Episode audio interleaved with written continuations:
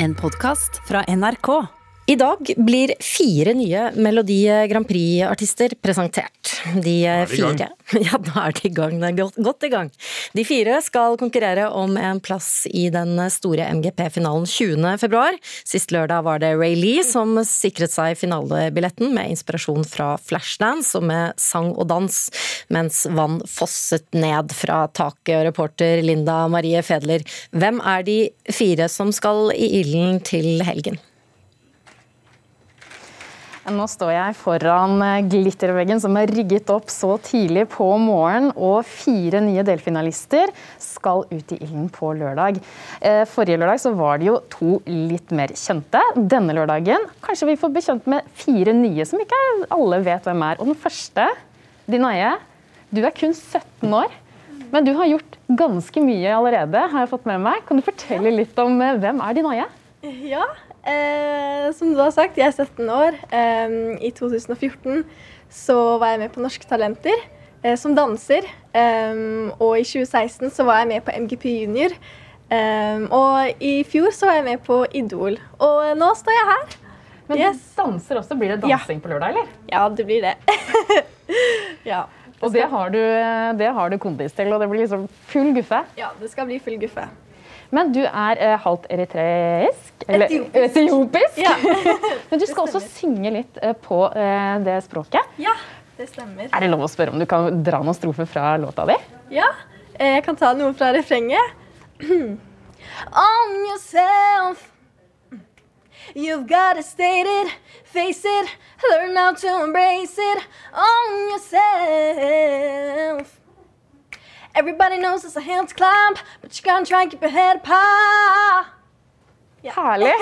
Du, Lykke til på lørdag. Tusen takk. Vi har med flere som skal uh, vise seg på scenen. Ole Hart. For de som har fulgt med på TikTok, der er du kjent. Ja, altså Ikke sånn kjempekjent, men jeg har jo hatt et samarbeid med Ida Saline fra TikTok. Som er veldig kjent, så jeg har jo blitt litt sånn, kanskje litt mer kjent fjes for hennes følgere. da. Og da sang du 'Jeg vil ha ribbe', men nå skal du synge noe helt annet. Nå, nå er det 'Vi er Norge'.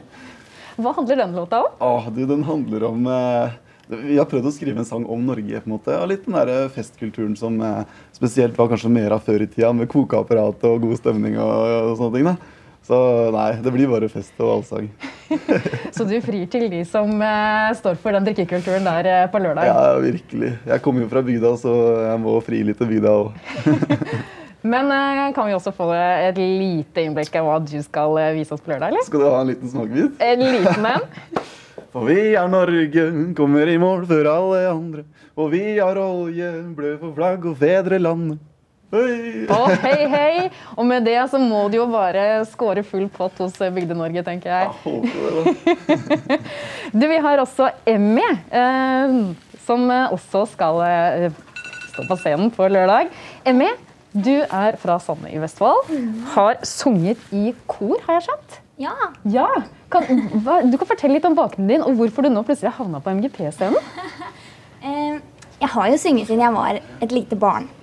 Og så har jeg gått i kor lenge, da. Og Soulchildren er jo ja, De har jo Norges største festival, blant annet. Så det er jo et stort kor å være med på, da. Og så har jeg jo vært med på MGP Junior, som var eh, drømmen lenge. Spesielt etter broren min var med, litt før meg. Så ja.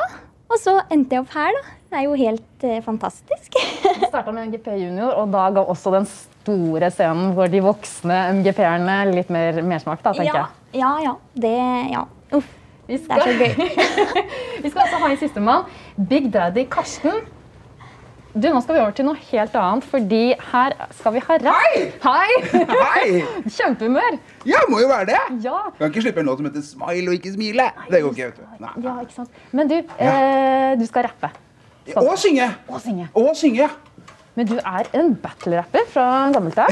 ja, det var det kanskje folk først ble kjent med meg som. Uh, jeg battler ikke så mye nå. Jeg har ikke battla siden 2019, og når jeg gjorde det, så var det fire år siden forrige gang. Så det begynner å bli noen år siden jeg drev med det. Mm. OK. Men du, du, da vil jeg gjerne ha, kan du rappe litt for oss? Eller ta litt av den låta du skal jeg tar litt av synge? Låta. Ja, vil du ha rappdel, eller vil du ha sangdel? Oh, litt rappdel, Litt rappdel. You always look your best when you smile at me. So please don't waste your time feeling down, baby. When the sun hits your face and those lips peel, the world takes a breather and sits still. You can be the Roger to Tyler in a city full of bears as long as you are smiling. If you feel down, you know that I'll cheer you up. Cause I need to see a grin on a face of yours. Om ikke det får deg til å smile, så vet ikke jeg. Disse fire skal dere få se på lørdag. Det er bare å benke seg ned i sofaen og nyte fire nye artister og god underholdning. Og vi ønsker alle de fire lykke til. Tusen takk, reporter Linda Marie Fedler. Ungdomsserien Rådebank fikk en halv million mennesker til å sitte og følge med da den gikk i fjor, og nå er det nye episoder på gang. Og de tar for seg et alvorlig tema, hele serien gjør det. Artisten og nå også skuespilleren Staysman er selv oppvokst på bygda, og han kjenner seg igjen i serien som han selv spiller i.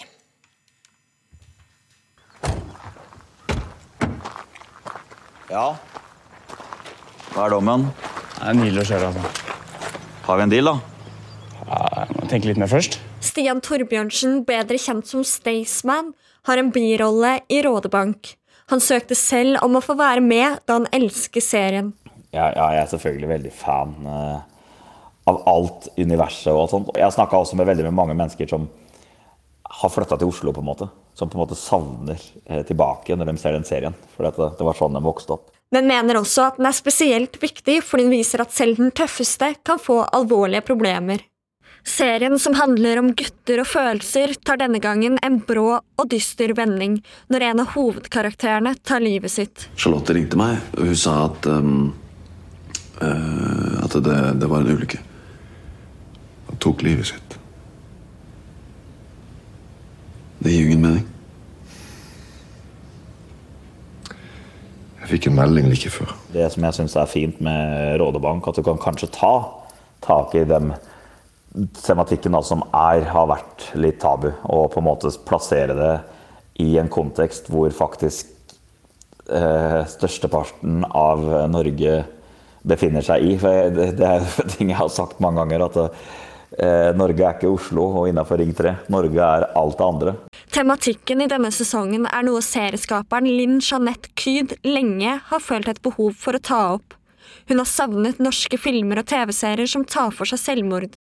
Hun har selv mistet en av sine nærmeste. Altså jeg har båret på eh, denne tematikken som vi tar opp i, i Rådebank eh, veldig lenge. Altså dette med menn og mental helse jeg har hatt lyst til å gjøre på veldig lenge. Eh, for det er sånn at Da jeg var 16 år, så tok eh, pappa livet sitt. Og det har eh, satt ganske sånn dype spor i meg.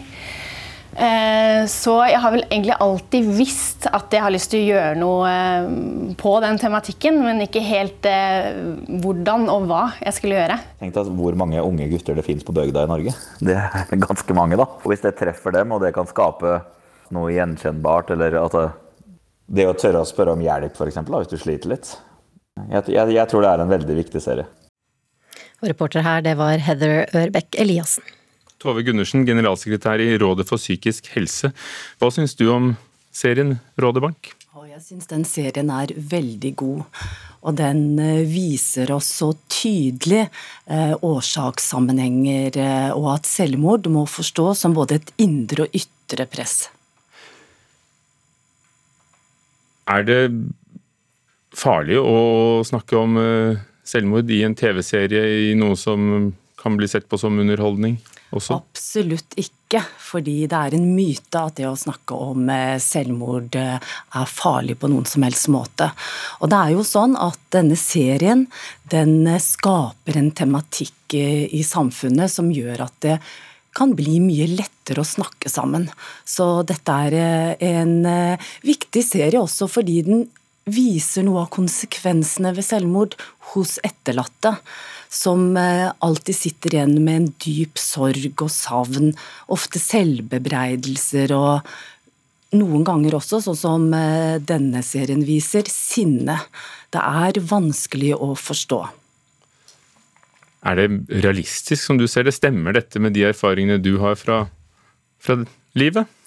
Ja, jeg må si at denne serien er veldig realistisk. Den viser jo at uh, hemmeligheter, løgner og pengeproblemer er en veldig dårlig kombinasjon for å ha en god psykisk helse. Og så er det viktig at vi underveis i livet og veldig ofte egentlig har en type emosjonell støvsuger som vi tar i bruk.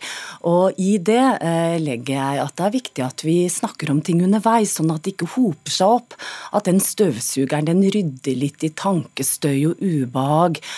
Fordi det er jo sånn at enkelte enkeltdeler og enkeltepisoder eh, i livet vårt, det kan løses veldig greit hvis vi snakker sammen med noen. Eh, men hvis vi venter for lenge, så får det katastrofale følger.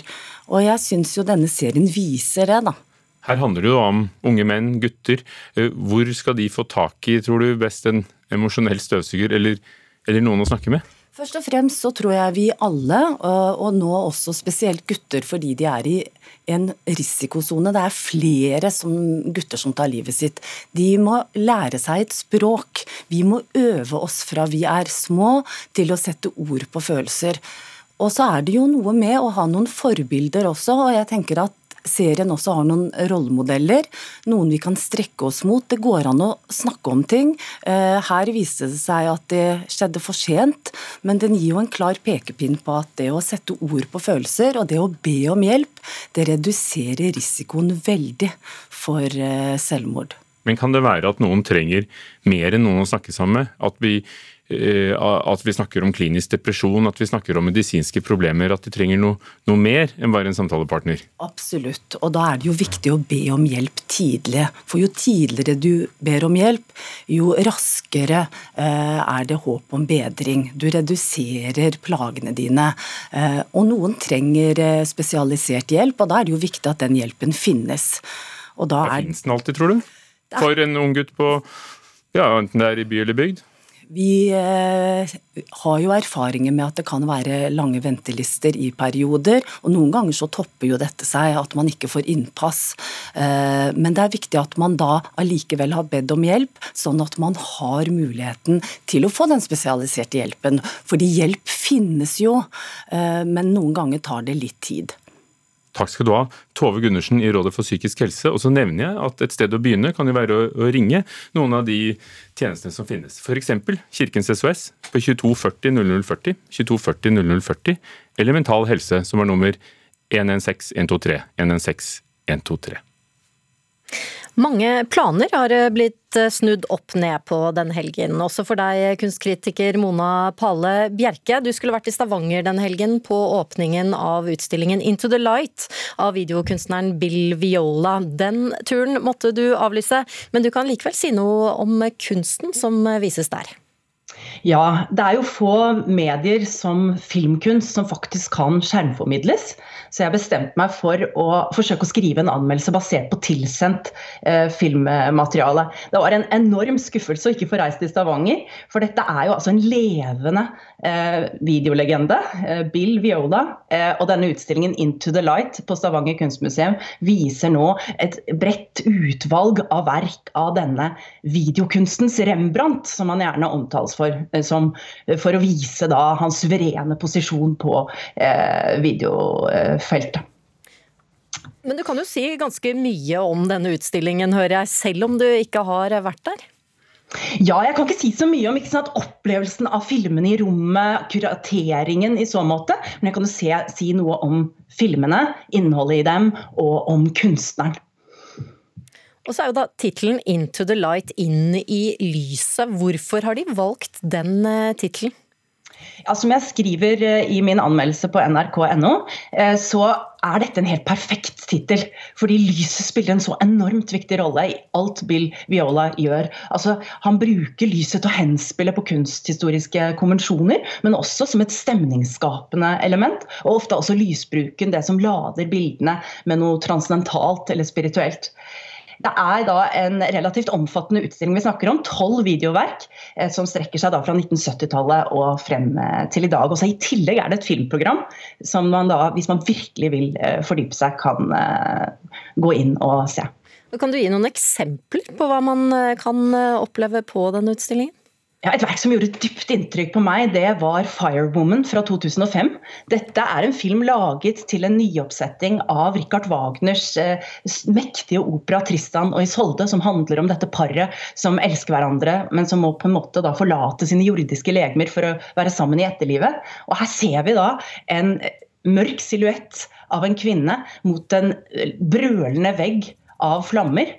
Og så løfter hun armene som en sånn gigantisk fugl og stuper ned i sort vann i forgrunnen av flammene. Så Her leker han både med spillefilmens klisjeer, samtidig som han med et gravalvor reflekterer over menneskets forhold til elementene. Det høres jo ganske voldsomt ut, men det er jo ikke alle filmene som er så dramatiske? Nei, slett ikke. I filmen 'Ancestors' for eksempel, så ser vi en mann og kvinne som kommer gjennom en sånn dirrende varmedis mot oss. De går og går, men tilsynelatende så kommer de ikke noe nærmere. Så det er liksom som om det hele bare er en drøm eller et fjernt erindringsbilde. Så du har altså da ikke opplevd denne utstillingen eh, fysisk. Kan du likevel opp, nei, våge deg på en konklusjon? Er, den verdt å se? Ja, der jeg sitter foran eh, skjermen min, så blir jeg veldig sånn at jeg tenker dette er et fantastisk utgangspunkt for en stor digital utstilling. Så jeg syns det er så synd at museet ikke ser sitt snitt nå til å gjøre om dette til en digital utstilling. For det er jo, selv om vi store deler av landet faktisk fortsatt kan se kunst, og det er vi på Østlandet som er eh, under veldig strenge restriksjoner, så er det jo flere enn meg som ikke kan reise til Stavanger akkurat nå. Så det ville vært fantastisk. Men det er absolutt heldigvis sånn at man kan søke på forskjellige titler eh, på Viola og finne veldig mye eh, på nettet. Og denne utstillingen den vises helt fram til midten av august, og hele anmeldelsen kan du lese på nrk.no. Der kan man også se bilder og filmklipp. Og takk for at du var med, Mona Palle Bjerke, kunstkritiker her i NRK. Du har hørt en podkast fra NRK. Hør flere podkaster og din NRK-kanal i appen NRK Radio.